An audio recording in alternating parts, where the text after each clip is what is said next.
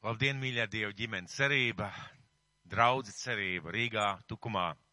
Labdien, visi, kas mūs šodien ir ieslēguši un skatās, un Rīgā, Zentenē, Aucē, Baldonē, jebkurā vietā Latvijā, varbūt kādās ārzemēs. Paldies Dievam par šo skaisto brīnišķīgo dienu, ko Dievs mums dod.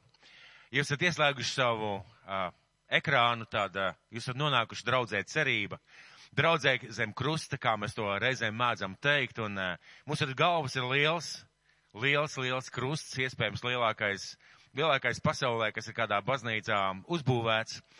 Bet uh, pār visam, tas nav tas ir tikai simbols, pār visam pār mums ir Kristus. Un paldies, ka esat ieslēguši savus telefonus, savus uh, datorus. Līdz ar to esat ieaicinājuši mūs savā namā. Un uh, tas, ko Dievs ar mums vēlās šodien jums pateikt, tas varēs ienākt jūsu dzīvē un uh, jūsu sirdīs. Un mēs uzskatām to par lielu prieku un par lielu privilēģiju un par lielu svētību tādā veidā jums kalpot. Ar tām dāvanām, ko Dievs mums draudzē devis, ar tām dāvanām, ko Dievs dod savai tautai, saviem cilvēkiem.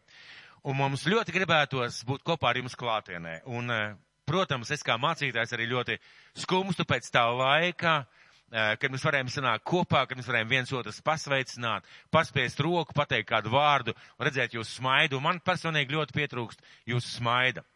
Mēs gan sazvanamies pa dažādām grupām, tieši saistēs, bet tas nav tas, kā redzēt cilvēku personīgi. Pietrūkst, bet paldies Dievam arī par šo iespēju, par tādu iespēju, kā Dievs mums šobrīd dod un kā Dievs mums šobrīd ir devis. Šis būs tāds īpašs dievkalpojums, mums kalpos mūsu draudzes kalpotāji no Rīgas un no Tukumā, kalpos ar vārdu, ar atklāsmē, ar pārdomām, kuras Dievs viņam šajā laikā ir devis, un es ticu, ka svētais gars to lietos jūs dzīvē, un lai Dievs mums palīdz atvērt ausis, prātu, sirdis, dvēseles, un lai mēs ļaujam tam ienākt, ienākt mūsu namā. Uz mani personīgi svētais gars runājas un runā pēdējā laikā par to, kas ir svarīgākais tavā ticības dzīvē. Kas ir svarīgākais mūsu ticības dzīvē. Bībele saka, ka Dievs nedzīvo rokām celtos namos. Mēs esam uzcēluši dievnamus, iegādājušies dievnamus, izdarījuši ērtus, patīkams, jauks, un mēs pareizi esam darījuši. Pareizi esam darījuši. Mēs domājam, rūpējamies par cilvēkiem, bet Dievs nemājo burtiski cilvēku celtos namos. Dievs mājo cilvēku sirdīs. Un kas tad ir svarīgākais mūsu ticības dzīvē? Dievs pats.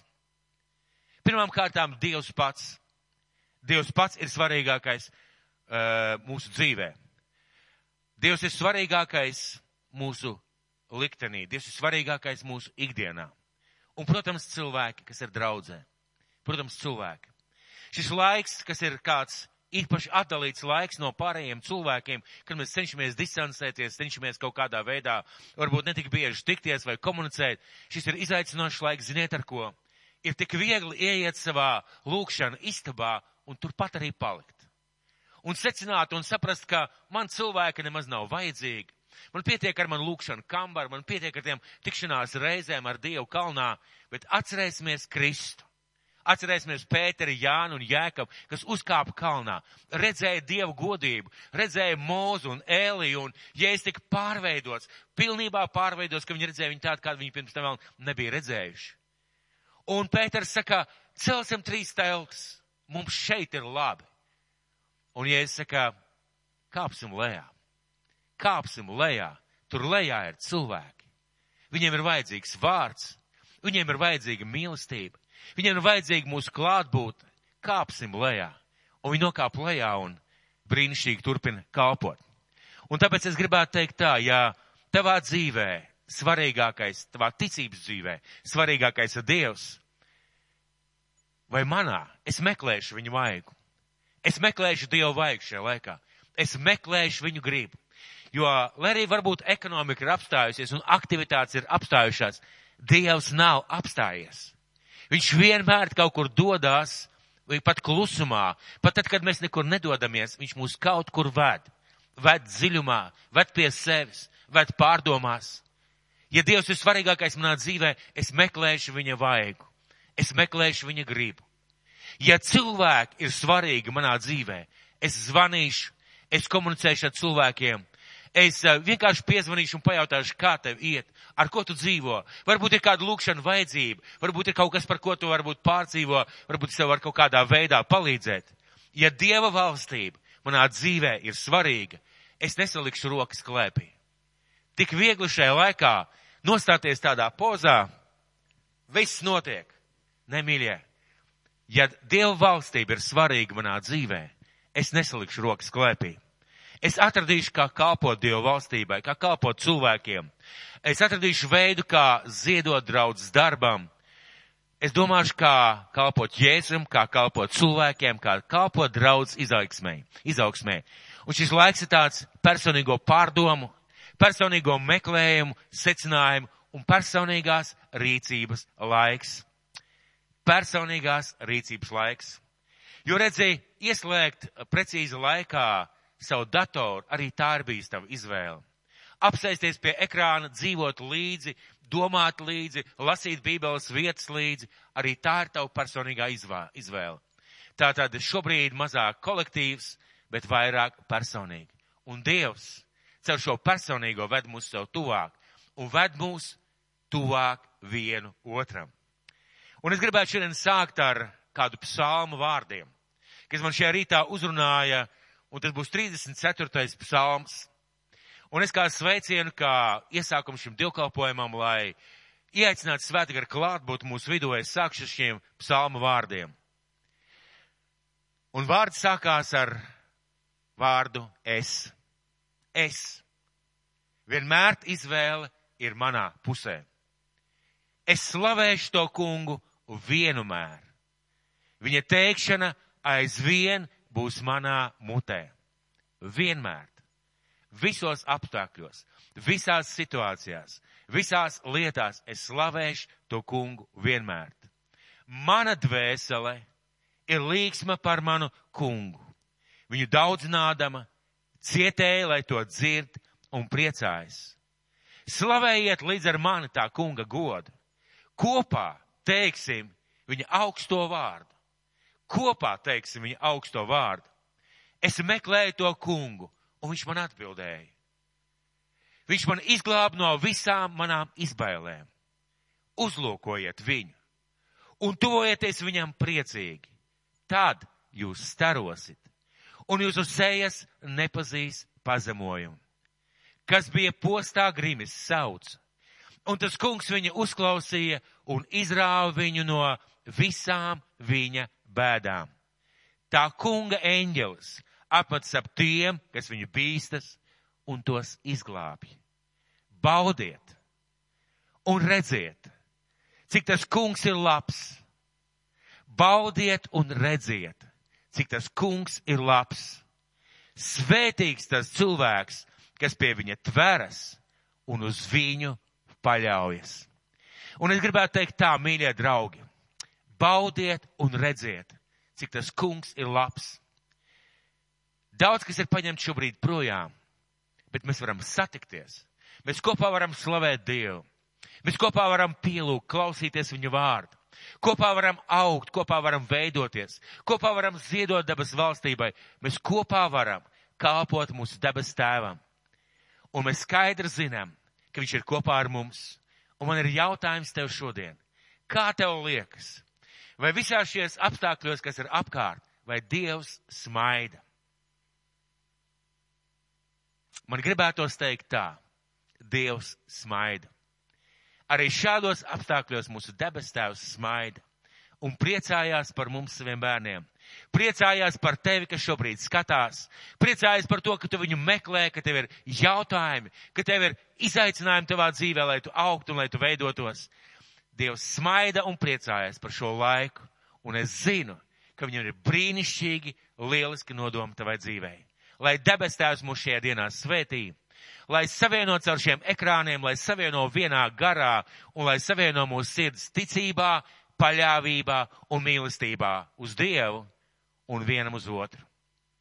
Un es gribētu aicināt tevi lūkšanā. Un gribētu aicināt noliec savu galvu. Varbūt, ja iespējams, nometies uz ceļiem kopīgi pielūgsim debes tēvu. Mūsu debes tēvs, mēs šodien nākam tavā priekšā, tavā mīļotā dēla Jēzus Kristus vārdā. Kungs, un mēs tev pateicamies, ka caur viņa asinīm un caur viņa nāvi mēs esam kļuvuši par taviem bērniem.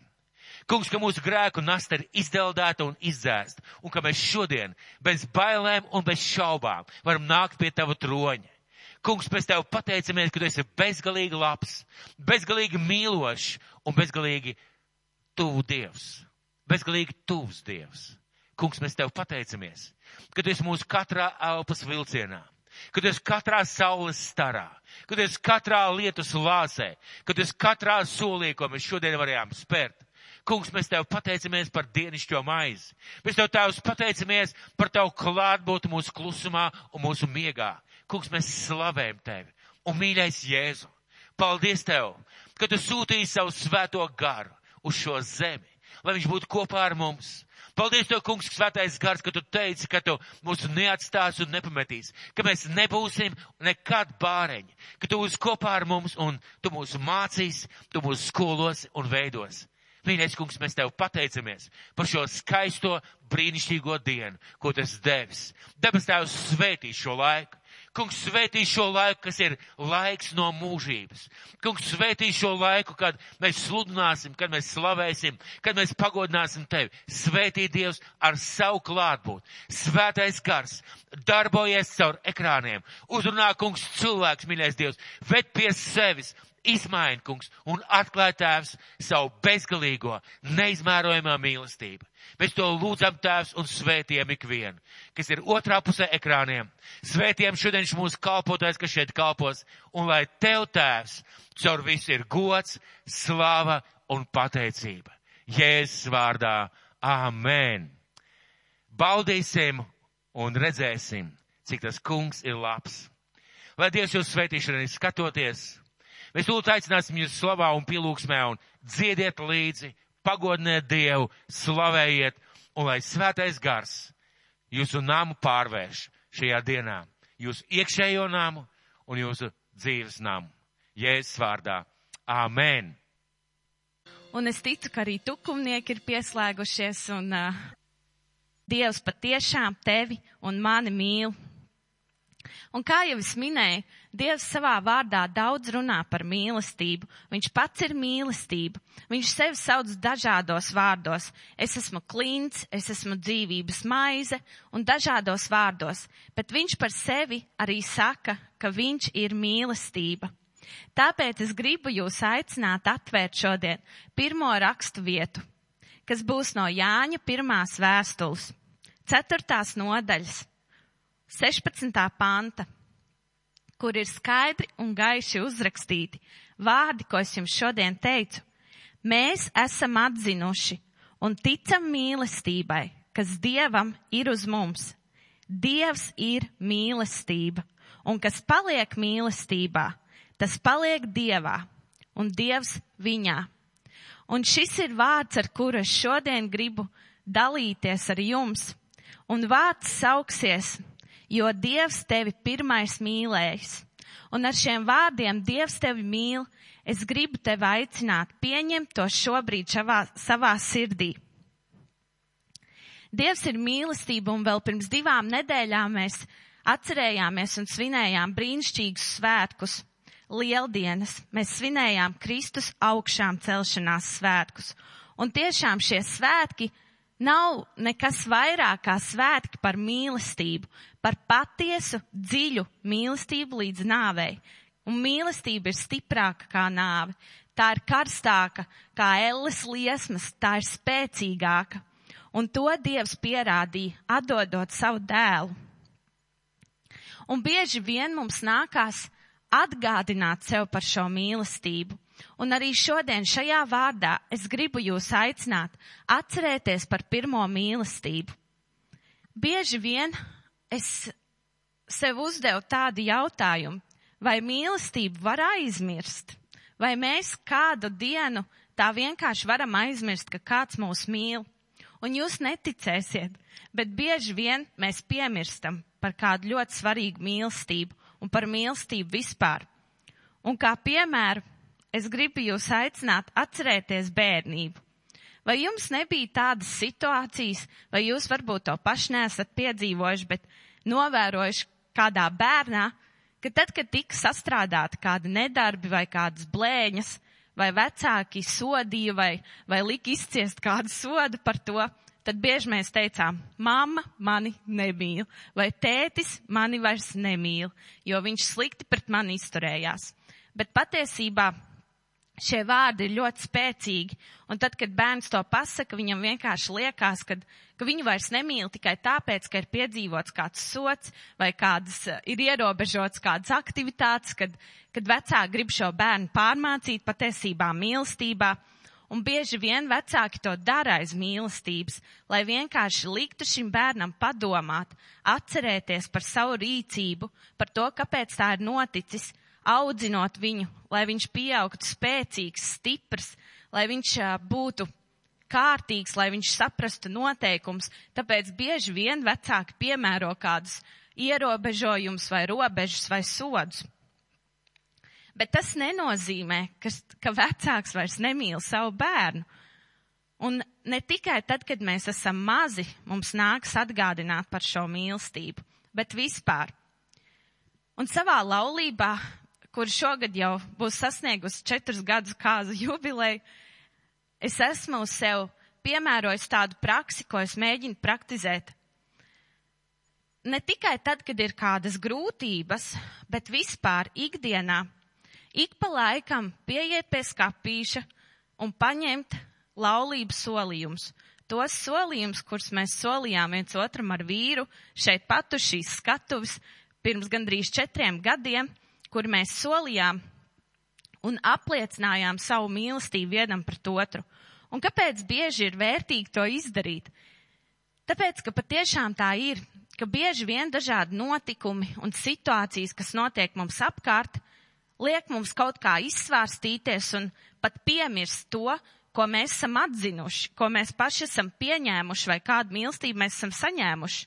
Un lasot šos laulības solījumus, tur ir teikts, es apliecinu tev mīlēt gan grūtībās, gan priekos, gan bēdās. Un tie ir ļoti spēcīgi vārdi, ko bieži nāks mums katram atcerēties un, un atkal un atkal no jauna izlasīt, lai saprastu to nozīmi, lai atgādinātu sev par šo mīlestību. Kā arī pirms dažiem gadiem, kad, kad mēs ar vīru gaidījām savu mazo dēliņu, uh, Dievs pakārtoja kādu tikšanos ar brīnišķīgu Dieva sievu, kādu brīnišķīgu vecmāti, kas ir dzemdību speciāliste. Dievs pakārtoja šo tikšanos, un man atmiņā ir iespiedušies kādi vārdi, ko viņa man pateica, un ko es gribu arī šodien jums atgādināt. Un šajā tikšanās reizē viņa teica, tad, kad piedzims šis mazulīts, kad piedzims jūsu dēliņš, vienmēr saki viņam, ka tu viņu mīli atgādini viņam to, un tas vārds, ko viņa teica, trenē to. Saki viņam, es tevi mīlu pat tad, kad viņš nav to nopelnījis, pat tad, kad viņš nav uh, izdarījis ko labu, vai kad, arī tad, kad viņš ir izdarījis ko sliktu. Vienkārši trenē šos vārdus un saka viņam, es tevi mīlu. Un tas man ir palicis atmiņā, un mēs ar vīru to cenšamies arī praktizēt pret mūsu dēlu, ka nemitīgi viņam atgādināt par šo mīlestību. Jo gribot vai nē, mēs cilvēki esam tādi, ka mēs mēdzam aizmirst. Un bieži mēs aizmirstam tad, kad viss nav tik labi, kā mums gribētos. Kad nav tik perfekti apstākļi, kad nav tik laba apkārtējā gaisotne, kad ir notikušas kādas lietas, vai tāpat šis pats pārbaudījums, kas šobrīd ir pasaulē. Tāpēc es gribu jūs mudināt domāt ar šo piemēru par pirmatnējo mīlestību, par mīlestības pirmsākumu, ko mēs bieži vien aizmirstam. Un atvērsim mums visiem ļoti zinām raksta vietu, bet patiesībā spēcīgu rakstu vietu un rakstu vietu, kas ir visa pamats, kas ir pamats mūsu mīlestībai ar Dievu. Un tā būs rakstu vieta no Jāņa evaņģēlī 3.16. Jāņa evaņģēlīs 3.16 jo tik ļoti Dievs pasauli mīlēs, ka viņš devis savu vienpiedzimušo dēlu, lai neviens, kas viņam tic, nepazustu, bet dabūtu mūžīgo dzīvību. Un šeit ir vārdi par to, cik ļoti Dievs mīlēja šo pasauli, ka viņš bija gatavs atdot pašu, pašu dārgāko. Un es domāju, ka, ja jūs esat vecāks, kas šobrīd skatieties šo tiešraidi, tad jūs zinat to, cik ļoti spēcīga mīlestība ir vecākam pret savu bērnu. Un patiesībā, tad, kad mūsu ģimenē ienāca dēls, es tikai pa īstam spēju šo raksturvietu saskatīt to patieso nozīmi, izprast to līdz sirds dziļumiem. Es pat nevaru to iedomāties, kā tas ir atdot kaut ko sev tik dārgu par kādu citu cilvēku, par to cilvēku, kas varbūt nemaz nav izturējies tik labi pret mani vai kurš man liktos, ka nav to pelnījis. Bet Dievs tā nedomā. Dievs mīl katru, katru no mums tik spēcīgi. Un ar šo piemēru es jūs gribu mudināt domāt par mīlestības pirmsākumu. Pirms lieldienām, faktiski nedēļu pirms lieldienām, man bija kāds personīgs piedzīvojums ar Dievu, kas man lika atgādināt vārdus par Dievu mīlestību. Jau vairāk kā mēnesi vai pat divus es redzēju vienu un to pašu sapni. Un nemitīgi tas bija par skolu, kurā es kādreiz mācījos. Mācītājs jau sveicināja Zenteni, tā kā jāsveiciet Zentenei, un šī skola atro, atradās pilī, Zentens mūžā. Tā bija ļoti liela, krāšņa, un tā man ir palikusi atmiņā, kā mazam bērnam. Mēs tur mācījāmies ar māsām līdz sastajai klasē, un šī skola man ir palikusi atmiņā ar tādu plašu, lielu teritoriju ar milzīgiem griestiem, skaistām lustrām, zelta apdarēm. Un tā pašā laikā tā man nedaudz biedēja, jo tā bija tik liela, ka tur varēja tiešām apmaldīties. Viņai bija divi spārni, liela terase, divas zāles, kā jau kārtīga pils. Un es nemitīgi redzēju sapni par kādu vietu, par vienu un to pašu telpu, par vienu un to pašu vietu, Un no sākuma es tam nepievērsu uzmanību, es domāju, ka tas ir parasts sapnis, un, un tad es sāku to redzēt atkal un atkal, un es pat vairs nevaru saskaitīt, cik reizes es to redzēju sapnī. Un tad es lūdzu par to Dievam. Svētī uzrādi, ja kaut kas ir bijis, ja kaut kas ir noticis, jo es saprotu, ka tas jau paliek par daudz nemitīgi redzēt šo skolu. Citreiz tā bija kāda cita vieta, bet pārsvarā tā bija viena klase, viena telpa, kuras atceros. Un es tur gāju kā bērns. Aptuveni desmit gadu vecs bērns. Un bija kāds laiks pirms lieldienām, manuprāt, kādas piecas dienas. Es pamodos, gāju uz savu lūkšanu kambari, gāju, apsēdos uz dīvāna un vēl bija tajā miega sapņī iespaidos kārtīgi nepamodusies un atceros, ka es atkal esmu redzējis to vietu, to telpu, Un es Dievam uzreiz saku, Dievs, pasaki man, kas tas ir, kāpēc, es gribu zināt. Un Dievs man atgādināja to. Vienkārši kā bildīt salika pa plauktiņiem. Pirms vairākiem gadiem, kad uh, man bija kādi astoņi gadi, es precīzi tiešām neatceros, bet tur notika kāds brīnišķīgs notikums tajā klasē.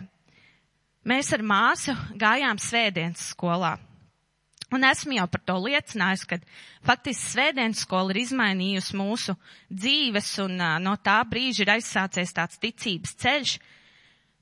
Un es redzēju tādu vīziju vai pagātnes notikums, kas notika. Bija kādas dienas pirms lieldienām, pirms šiem vairākiem gadiem, un šī svētdienas skolas skolotāja mūs katru aicināja pieņemt Jēzu Kristu par savu kungu un glābēju. Un patiesībā man piepildīja tāds prieks un sajūsma, jo tas, ko Dievs man atgādināja, es tajā telpā, tajā klasē pieņēmu Jēzu Kristu par savu kungu un par savu glābēju. Un es biju Dievam tik pateicīga par to sapni, par to, ka viņš man atgādināja. Un tiešām tas, ko viņš gribēja darīt, atgādināt man par pirmatnējo mīlestību, par to iesākumu, kur tas viss sākās.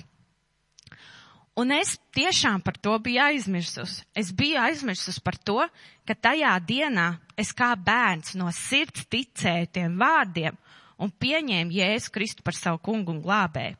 Un patiesībā es ticu, tiešām no sirds ticu, ka tie vārdi, tās dienas pateiktais, ko es ar savām lūpām apliecināju, ir izmainījis manu dzīvi. Un Dievs ar šo piemēru atgādināja par pirmo mīlestību, kur es biju aizmirsusi. Es biju aizmirsusi par to, ka tad, kad es pieņēmu Jēzu Kristu par savu kungu un glābē, es pieņēmu viņu nopelnu pie krusta par mani, par to, cik ļoti Dievs mani mīlēja.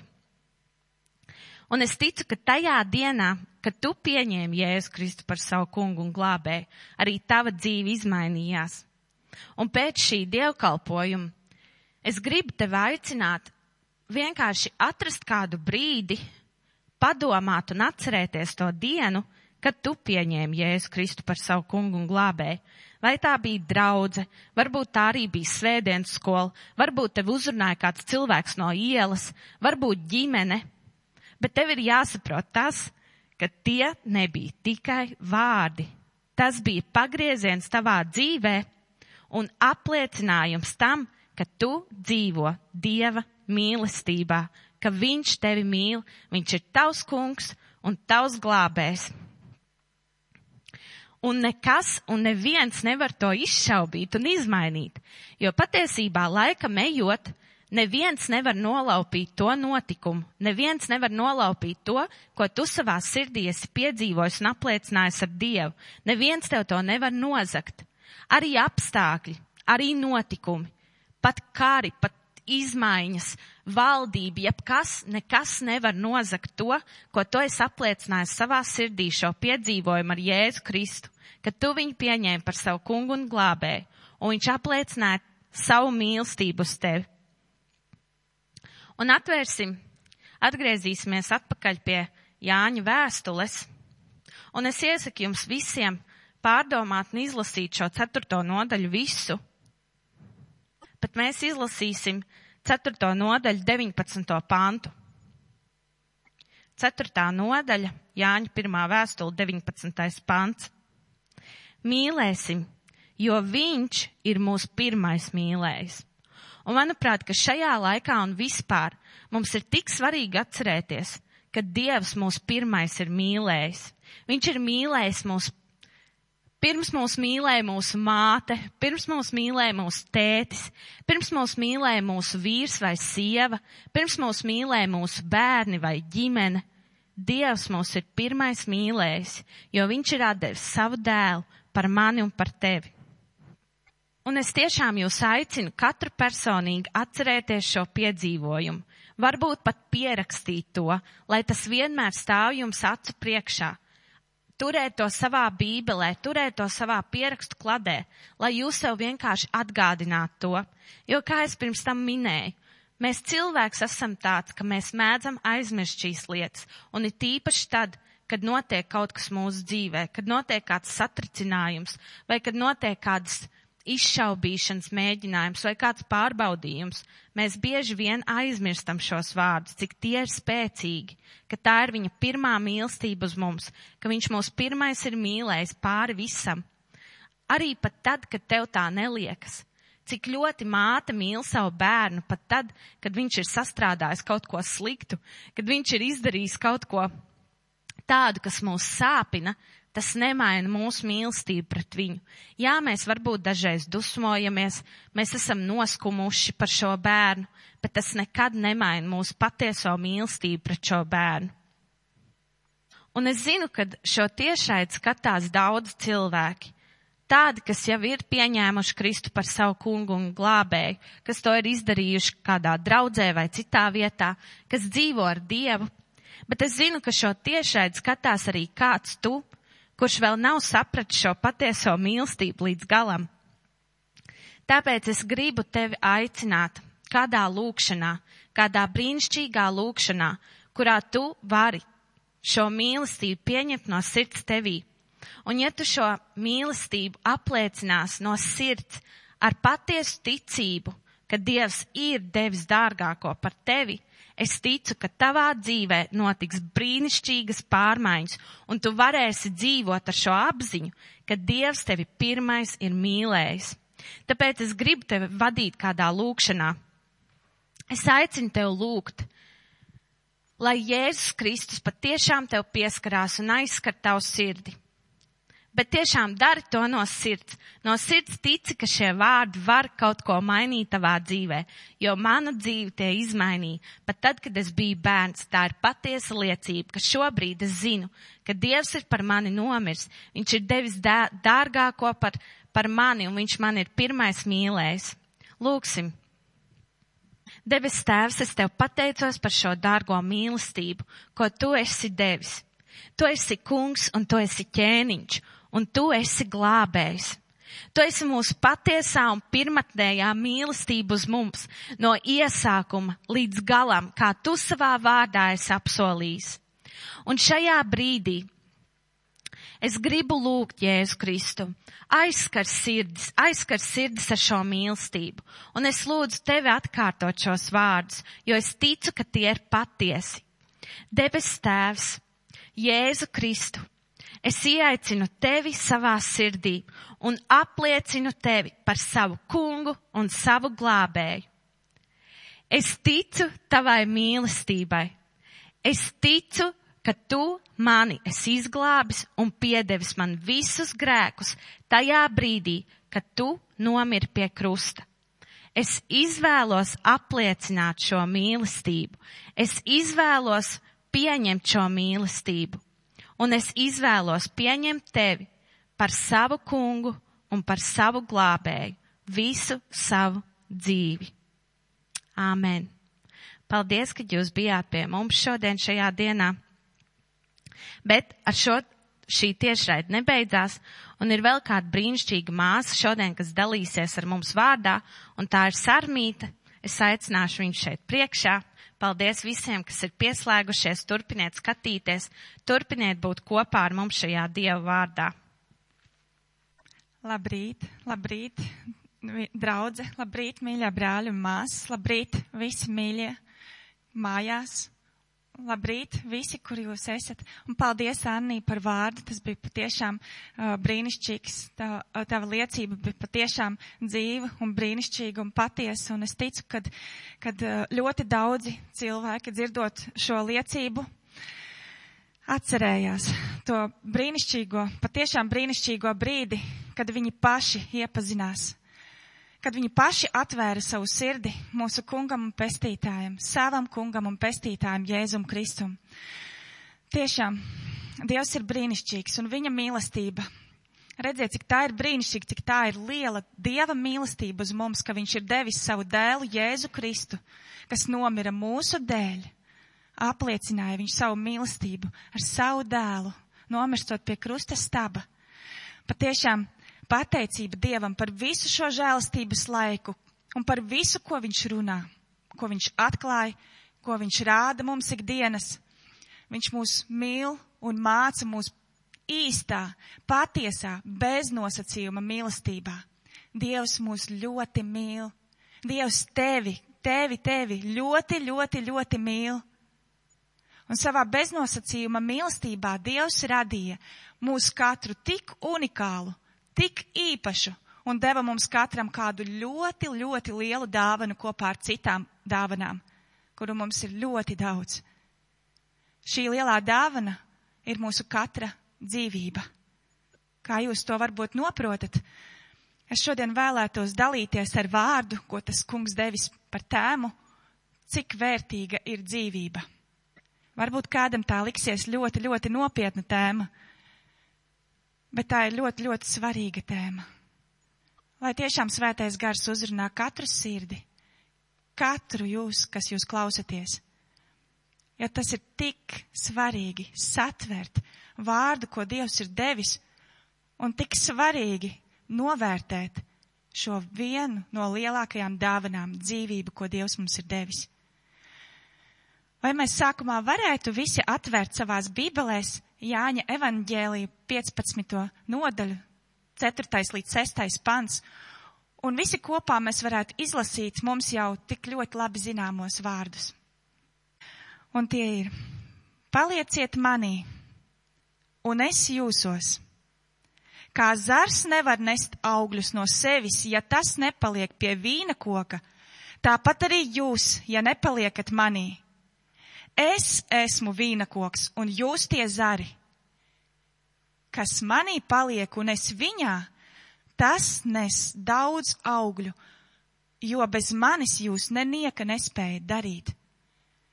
Jo kas nepaliek manī, tas kā zars izmetams ārā un sakalst, tos savāc un iemet ugunī un tie sadeg. Šis vārds ir ļoti nopietns.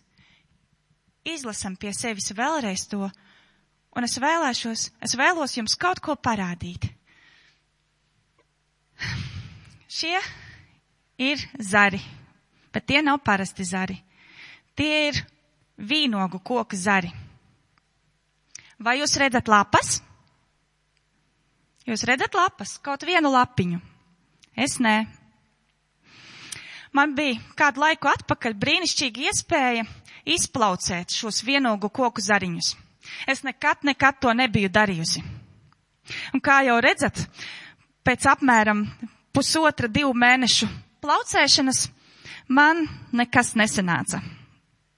Man nesanāca izplaucēt šos zariņus. Varbūt viens pumpurs man bija tāds lielāks uz, uh, izplaucis, bet tas bija arī viss. Varbūt, ka kādam no jums sanāktu tas. Un es iesaku pamēģināt. Varbūt kādam tiešām sanāk. Bet man tas nesanāca. Kaut gan regulāri šos zariņus baroju ar uh, siltu cukurūdeni, liku saulītē, es par viņiem tiešām rūpējos, jo es centos, lai iz, izplaukst vismaz viena lapiņa no šiem zariņiem. Bet kā jūs redzat, te nekā nav. Jā, bet neskatoties uz to, ka es tos regulāri baroju, gan ar siltu cukurūdeni, gan liku saulēnā vietā, zariņi it kā ir dzīvi. Viņi nav beigti. Viņam iekšā ir kaut kāda suliņa. Viņi nav pavisam beigti. Bet ir liela problēma. Tie ir atdalīti no vīnogu koka, no kura šie zariņi saņēma īsto dzīvības sulu, nevis kaut kāds silts cukurūdens. Nekāds cukurūdens šiem zariņiem nepalīdzēja uzplaukt. Pat ja man izdotos kaut vai dabūt kaut vai vienu vai dažas lapiņas, man nesenāktu dabūt vīnogas augļus no šiem zariem. Man nesenāktu arī īpaši spēcīgas lapas no šiem zariem izplaucēt. Un vārdā, ko mēs lasījām, ir teikts, es esmu vīnakoks, jūs tie zari, mēs esam tie zari. Jau pašā iesākumā Dievs radīja cilvēku, lai tas būtu ar Dievu. Cieši kopā. Tā kā tam bija jābūt šiem zariņiem ar vīna koku, no kuriem es viņus nogriezu. Dievs, kā jūs redzat, dod ārkārtīgi lielu dāvanu dzīvību. Vai mēs spējam to pietiekami novērtēt?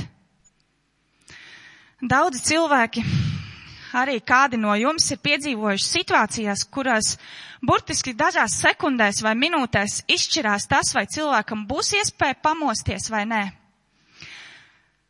Es personīgi arī šo esmu piedzīvojusi.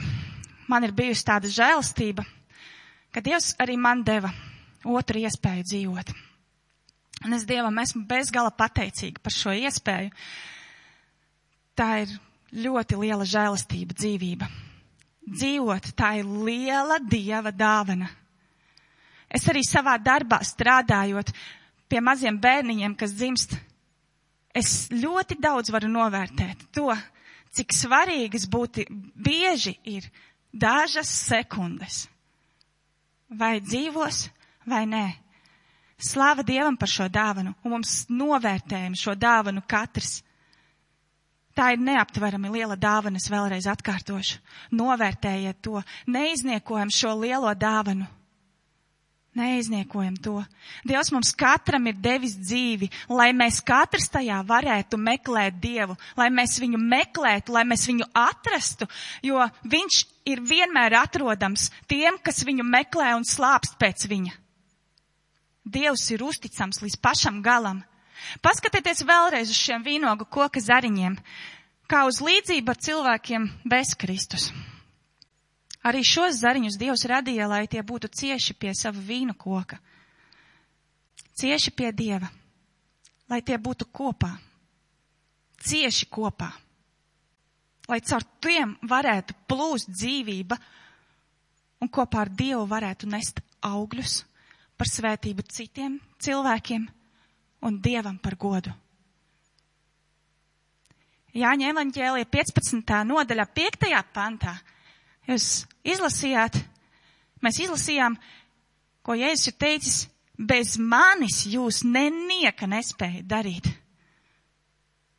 Arī šie zariņi. Viņi ir atdalīti no vīna koka. Bet kas šos zariņus šķīra no vīna koka, vai ne? Kaut kas sas, tās bija šķēres un kaut kas cilvēcīgs cilvēks. Un to visu varētu salīdzināt ar grēku, ar mūsu lielo es, ego, no kura tā pagrūti tikt vaļā, no kura tā pagrūtāk atbrīvoties. Jā, tas viss šķir, grēks šķir mūs no mūsu patiesā dzīvības devēja dieva. Tāpat kā ne ar cukurūdeni, ne ar ko citu man nesanāca izplaucēt zarus, kur nu vēl iegūt labus augļus. Tāpat arī pasaulīgās lietas, kas uh, mūs nespēja un nevar darīt dzīvus un piepildīt ar to patieso dzīvību, ko var iedot vienīgi, vienīgi dzīvais Dievs, Jēzus Kristus, kas ir īstais dzīvības devējs un īstās dzīvības devējs. Jāņa evaņģēlijā 14. nodaļā 6. pantā ir teikts, es esmu ceļš, patiesība un dzīvība. Neviens netiek pie tēva kā viens caur mani. Un arī Jāņa evaņģēlija 11. nodaļā 25. līdz 26. pantā, kur Jēzus Martai teica, Es esmu augšām celšanās un dzīvība. Kas man tic, dzīvos, arī ja tas mirs. Un ik viens, kas dzīvo un tic man, nemirs ne mūžam. Vai tu to tici? Vai tu to tici? Es gribu jums uzdot kādu jautājumu. Vai var būt dzīvs cilvēks un tomēr nebūt dzīvs? Var. Es jums gribētu parādīt kādu brīnišķīgu svētdienas skolas eksperimentu. Un pa to laiku jūs varētu atvērt kopā Jāņa evaņģēlija 12. nodaļu 23. līdz 26. pantu. Jāņa evaņģēlijas 12. nodaļa 23. līdz 26. pants. Bet Jēzus atbild viņiem. Ir pienākusi stunda, kad cilvēka dēls to pagodināts. Patiesi, patiesi es jums saku, ja kviešu grauds nekrīt zemē un nemirst, viņš paliek viens. Bet ja viņš mirst, viņš nes daudz augļu. Kas savu dzīvību tur mīļu, tam tā zūd. Bet kas savu dzīvību šī pasaulē ienīst, tas to paglabās mūžīgai dzīvībai. Ja kāds man grib kalpot, tad lai viņš seko man jo kur es esmu, tur būs arī mans kalps. Un ja kāds man kalpos, to mans tēvs cels godā. Spēcīgi vārdi, ko Jēzus ir teicis. Un tagad pie šī eksperimenta, ko es jums parādīšu. Šis eksperiments notika labu laiku atpakaļ, līdz ar to man bija iespēja pārbaudīt to, ko Dievs man bija parādījis caur vārdu. Šajā burciņā bija eksperiments, lai mēs redzētu, kā nomirst sēkliņa. Šeit bija trīs sēklas. Trīs mazas, mazas pupiņas. Šādas, pavisam maziņas. Kā jūs zinat, pupiņām apkārt ir tāda diezgan cieta čaula, vai ne?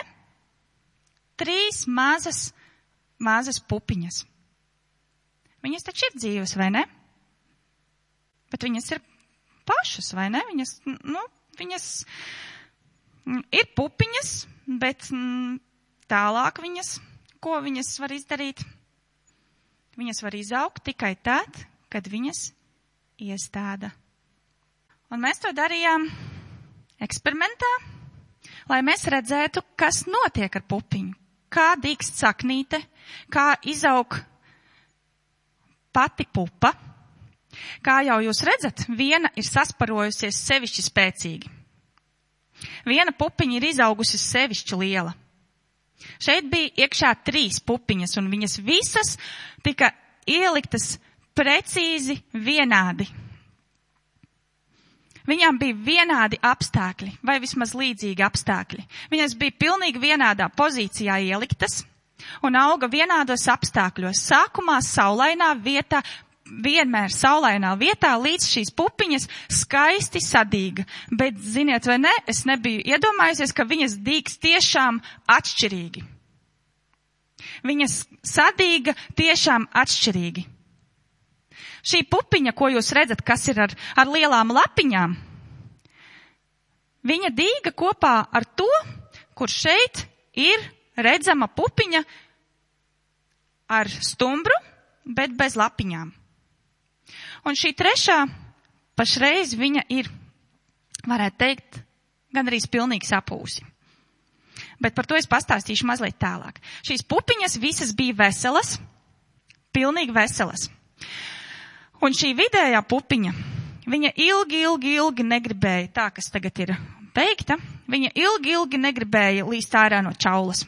Tās malējās, cīnījās un viņas ļoti skaisti stiepās pretī saulītei. Bet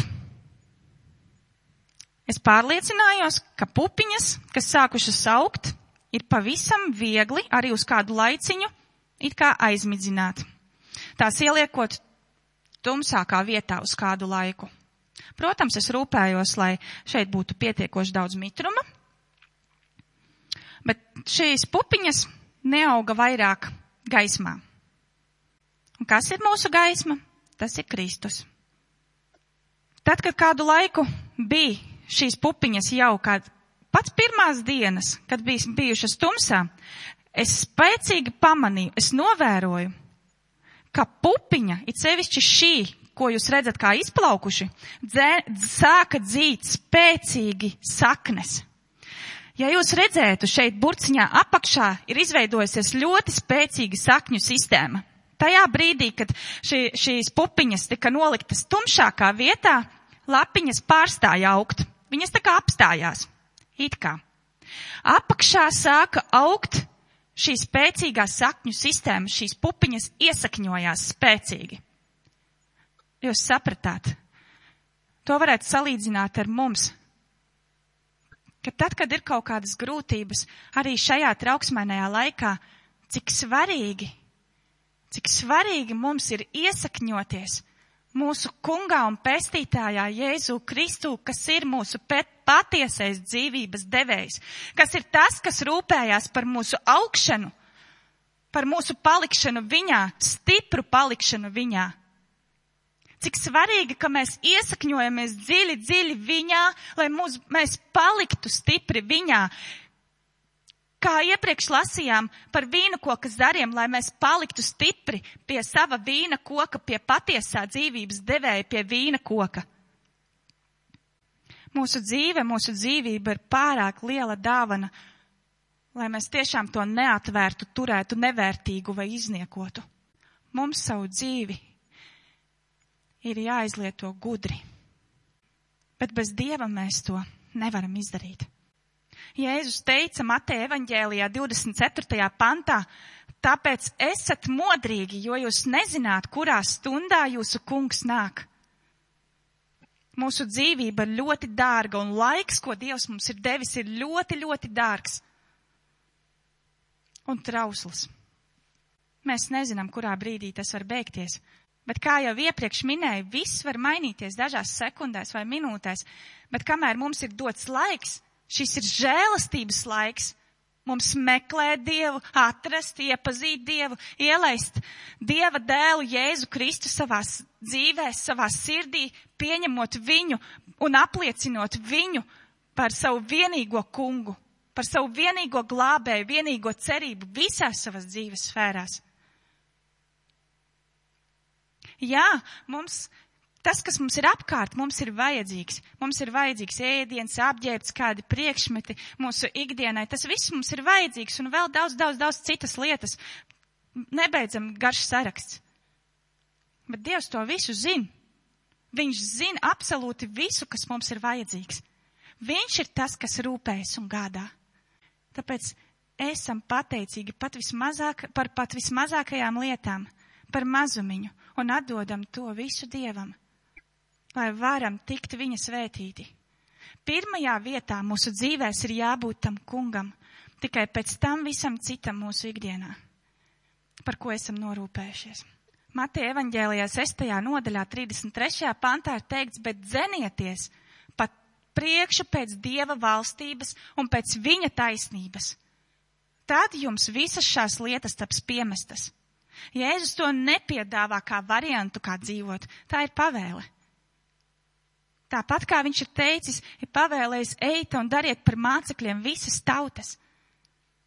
Jēzus mums nepiedāvā kādus variantus, kā dzīvot, viņš mūs māca, kā dzīvot, lai mēs varētu dzīvot kopā ar viņu, lai mēs varētu dzīvot viņā, lai mēs varētu iesakņoties stipri viņā, lai mēs varam nomirt sev savam egoismam, lai mēs varētu augt ar Dieva spēku, ar Dieva svētā gara spēku un viņa palīdzību, lai mēs varētu augt viņam pretī un pēc tam būt cilvēkiem par svētību un Dievam par godu ar savu dzīvi, tad mēs varētu pagodināt Dievu ar visu, ko Viņš pie mums dara un darīs. Kādi varētu pie sevis domāt, es jau neko sliktu nevienam nedaru, dzīvoju mierīgi savu dzīvi, man ir labi tā kā ir, es negribu neko mainīt. Bet sirdī staigā bez patiesas dzīvības, bez patiesā piepildījuma, ko var dot tikai Dievs. Bet ziniet, Dievs ir ļoti, ļoti pacietīgs. Viņš gaida, kad kāds ielaidīs, kad kāds atvers savu sirdi viņam un ielaidīs savā sirdī Jēzu. Jo viņš negrib, ka kāds pazustu, negrib, ka kāds pazustu, bet ka visi nāktu pie glābšanas. Tāpēc esam pateicīgi par mums katram doto dzīvi un dzīvību. Ir rakstīts, tiem, kas Dievu mīl, viņš visas lietas vērš par labu. It sevišķi šajā trauksmēnajā laikā Dievs mums daudz ko iemāca. Man personīgi Dievs māca ļoti daudz. Man vajadzētu vairākas, vairākas, vairākas tiešām, vairāk laika, lai spētu pastāstīt visu, ko Dievs mums māca. Es teicu, ka Dievs katram jums kaut ko runā. Mēs katrs varam pajautāt, Jēzu, ko tu gribi mums iemācīt ar šo vai šo notikumu? vai situāciju, un esam atvērti mācīties. Mums tiešām ir jāatver savas sirdis mācīties to, ko Dievs mums grib parādīt, ko Viņš grib mums pateikt. Jo ja mēs, jo ja mēs neklausamies tajā, ko gri, Dievs grib mums pateikt, mēs tā kā savīstam. Redziet šo, redziet šo tās pupiņas, kas neskatieties tagad uz šo, kas ir izauguši, skatieties uz tām, kas šeit ir tādas tā kā nonīkušas. Viņas kādu laiku prom no dieva bija, projām no gaismas, un viņas nonīka. Iespējams, viņas netuvojās dievam, iespējams, šīm pupiņām, šīm sēklām nebija šīs personīgās attiecības tik dziļas ar dievu. Bet Dievs mums ir teicis un vienmēr arī šodien saka, lai kādi jums būtu pārbaudījumi, lai kādās grūtībās jūs atrastos, arī šajā trauksmainajā laikā, lai cik ļoti mums katru dienu grūti būtu vai kādos notikumos, Dievs katru dienu mūs iedrošina. Dievs iedrošina tevi, tevi, tevi uzticēties viņam. Dievs ir teicis, turiet drošu prātu, es pasauli esmu uzvarējis, paļaujies uz mani, Dievs ir teicis. Dievs ir mūsu klints, Jēzus Kristus ir tas, kurā mēs varam paglāpties visos savos pārbaudījumos. Pilnīgi visā, ko mēs piedzīvojam, mēs varam absolūti pilnīgi uzticēties Dievam. Pieņemot Kristus klātbūtni un mieru, paļāvībā uz to, uz to kungu cenšamies vairāk ieklausīties savā tuvākās sirds saucienos un vajadzībās. Šķiet, ka Dievs vērš šo situāciju, kas notiek pasaulē, lai mēs saprastu, ka ir jāpiebremzē, ka ir jāpiebremzē ar šo lielo dzīšanos pakaļ mantai, slavai, varai un daudzām citām lietām, kas ir cilvēku ikdienā. Un kur tajā visā ir Kristus? Daudzās lietās mēs, mēs Kristu noliekam kaut kur pēdējā plānā. Un par to mums jāprasa Dievam piedošanu katru dienu no dienas. Un lai Dievs uzrāda, kurās, kuros brīžos mēs esam pagājuši nos no viņa, kuros brīžos mēs esam aiztaisījuši savas sirdis, savas sirds durvis viņam, kur neesam klausījušies vai neesam gribējuši viņu klausīties, kur mēs neesam atdevuši savu godu Dievam, vai mēs esam viņam pietiekuši uzticējušies un paļaujušies uz viņu, lai kāds būtu pārbaudījums. Un mums apkārt ir tik daudz cilvēki, kuri tiešām slāpst pēc uzmanības, pēc, pēc mīļuma, pēc kaut vai dažiem labiem vārdiem. Ir cevišķi šajā trauksmēnajā laikā cilvēki, daudzi cilvēki tā kā iemieg. Bet mums ir vajadzīgs iedrošināt viens otram. Mums ir vajadzīgs kaut vai pazvanīt, dažus vārdus pateikt, iedrošināšus šiem cilvēkiem, kas mums ir apkārt Jo šie cilvēki, daudzi, kas mums ir apkārt, ir ar izslāpušām sirdīm, kas slāpst pēc uzmanības, kas slāpst pēc klātbūtnes, pēc kopā pavadīta laika. Tas ir laiks, kurā mēs varam parādīt mīlestību, ko Dievs, šo beznosacījumu mīlestību dot mums Dievs. Un mēs varam mācīties no Dieva, no Jēzus Kristus, mīlēt savu tuvāko, kas mums ir apkārt, parādīt savu mīlestību cilvēkiem, kas mums ir apkārt. Un es ticu, ka katram, katram ir kāds cilvēks, kuram pateikt kādu labu vārdu. Varbūt kādam cilvēkam ir nepieciešams pateikt piedod un izlīdzināties savā starpā. Arī tā ir liela mīlestības izpausme spēt piedot, paprasīt piedošanu. Vai tas nav kaut kas līdzīgs tam, ko Jēzus māca mums, kā izturēties pret savu tuvāko, to mīlot kā sevi pašu, mīlot sevi tuvāko, savu tuvāko, kā viņš mūs ir mīlējis. Tas nav kaut kas līdzīgs. Un tāpat kā pupai bija jānomirst pašai, lai tā varētu dzīvot citiem un dievam par godu, lai tā varētu nest augļus tālāk citiem par svētību un dievam par godu izlietojot šo laiku, lai vēl vairāk iepazītos ar Jēzu, vēl vairāk izkoptu savas personīgās attiecības ar Jēzu, lai stiprinātos, iesakņotos viņā. Lasam vēl vairāk Dieva vārdu, šo dzīvības vārdu, ko Dievs runā.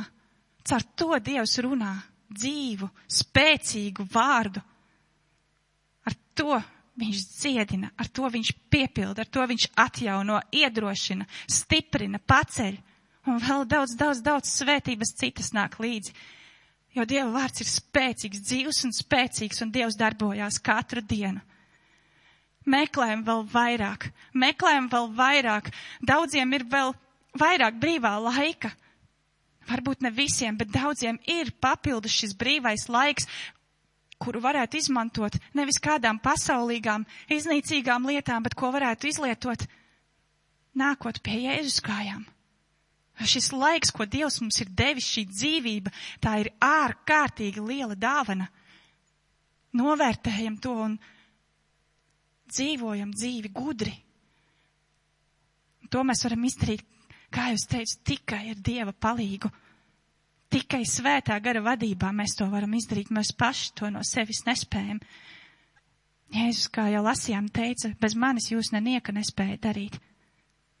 Novelkam nost savu egoisma čaulu kā tai pupiņai, kura traucē mums būt vienam veselam ar Jēzu, kas traucē mums sadzirdēt, ko viņš mums saka un kur viņš ved mūs.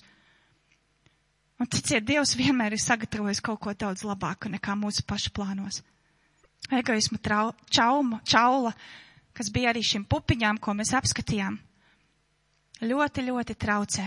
Traucē mums mācīties, traucē mums saņemt no Jēzus visas tās dārgās dāvanas, pērles, visu, ko viņš mums dod, ko viņš mums grib pateikt.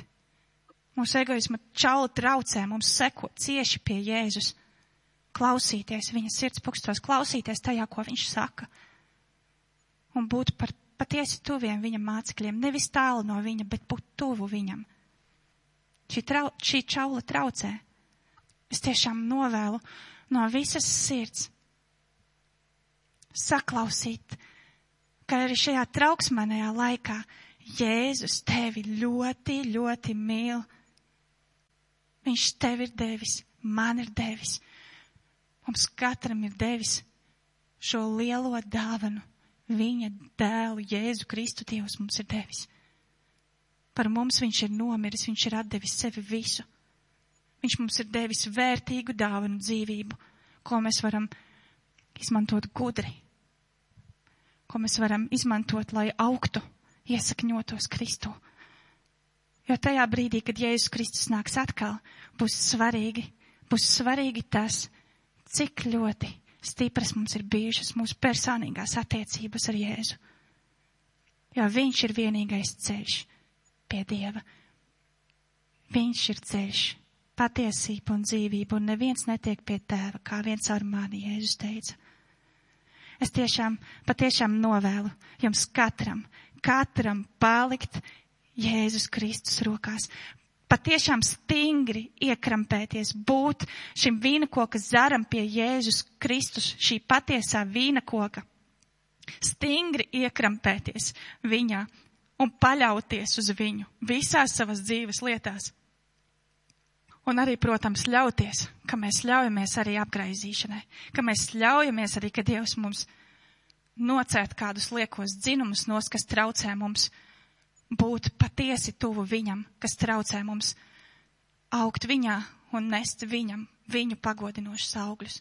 Ļaujam, lai viņš mūs veido, pieņemam, atveram savas sirds durvis, atveram savas sirdis mācīties to, ko Jēzus māca. Slava Dievam par to un paldies par katru vārdu, ko viņš dod. Paldies, ka jūs esat. Es vēlreiz gribu atgādināt. Jēzus katru jūs, katru mūs mīl ar neaptverami liela beznosacījuma mīlestība. Slava Dievam par visu, un gods un pateicība. No visas sirds atdodam savu dzīvi, visu savu dzīvi, visas savas dzīves sfēras Dievam, mūsu kungam un pestītājam. Lai slava Dievam! Paldies jums! Paldies mūsu kalpotājiem par vārdu, par liecībām, paldies mūsu slavēšanas komandai. Gribu pateikt vēlreiz paldies visiem, un es aicinu arī pārējos pateikt lielu paldies visiem, kas uh, organizē, kas veido šīs te tiešraides un šeit kalpo, lai mēs varētu savās mājās uh, saņemt un baudīt Dievu vārdu. Un es gribētu jūs aicināt uz tādu kopēju lūkšanu par draudz. Mēs lūdzām par daudzām lietām, bet lūksim par draudz šajā laikā. Mēs lūksim arī par to, lai Dievs sargā cilvēkus, mūsu draudzes cilvēkus, no šī te vīrusa, no šīm saslimšanām, no katrām sakām.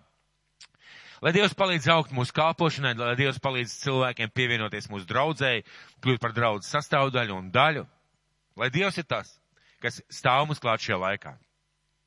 Un aicināšu jūs visus lūgt. Mīļais debes tēvs, mēs tev pateicamies, kungs, par šo dienu, kur mēs varējām baudīt. Paldies tev, debes tēvs, par šo divkalpojumu. Paldies tev, kungs, par tavu vārdu. Paldies Tev, Tēvs, par Tavu svēto garu, ko Tu mums dod, un mīļais Dievs. Mēs lūdzam, kungs, par draudz Rīgā, par draudz Tukumā, par draudz cerību. Debes Tēvs, svētītu šīs draudzes, Kungs svētī šī draudzes bagātīgi, mīļais kungs ar visām labām lietām. Jēzu palīdz augt kā kalpotājiem, palīdz augt kā taviem mācekļiem, palīdz dabas tavs satvert un zināt un saprast tavus ceļus. Palīdz mīļais Dievs iziet cauri katrai lietai, katram pārbaudījumam kā uzvarētājiem un debes tēvs, lai tava valstība aug mūsu dzīvē, lai tavas svētības piepild mūsu dzīvi, lai tavi uh, augļi ir redzami mūsu dzīvē, tēvs, un svētīgi vienu cilvēku un sargā no šī vīrusa, sargā, kungs, no nelaimēm, no neveiksmēm, un lai tava godība, lai, kungs, tava palīdzība un tava svētā gara klātbūt ir mūsu kalpošanā, mūsu ikdienā, mūsu ģimenēs, mūsu finansēs, mūsu līdzekļos, mūsu katrā darbā un katrā gaitā. To mēs tev lūdzam, Tēvs, Jēzus Kristus vārdā. Āmen. Svētī, draudz, cerību. Un uh, atvadīties no jums mēs vēlētos ar svētību vārdiem no 4. mūzu grāmatas. Un, uh, Es nezinu, vai jūs izstiepsiet roku pret sevi vai pret ekrānu, vai pret kādu cilvēku tajā telpā, kur jūs esat, es gribētu izstiept roku pret šo, pret, pret jums un svētīt jūs tādā veidā. Tas kungs, lai tevi svētī un lai tevi pasargā. Tas kungs, lai apgaismo savu vaigu pār tevi un lai ir tev žēlīgs. Tas kungs, lai paceļ savu vaigu uz tevi un lai dod tev mieru. Esiet svētīti un sveicināti. Tiekamies mūsu čatos sazvanīšanās laikā un nākošajā svētdienā pulkstens 11. tiešraidē. Ar Dievu!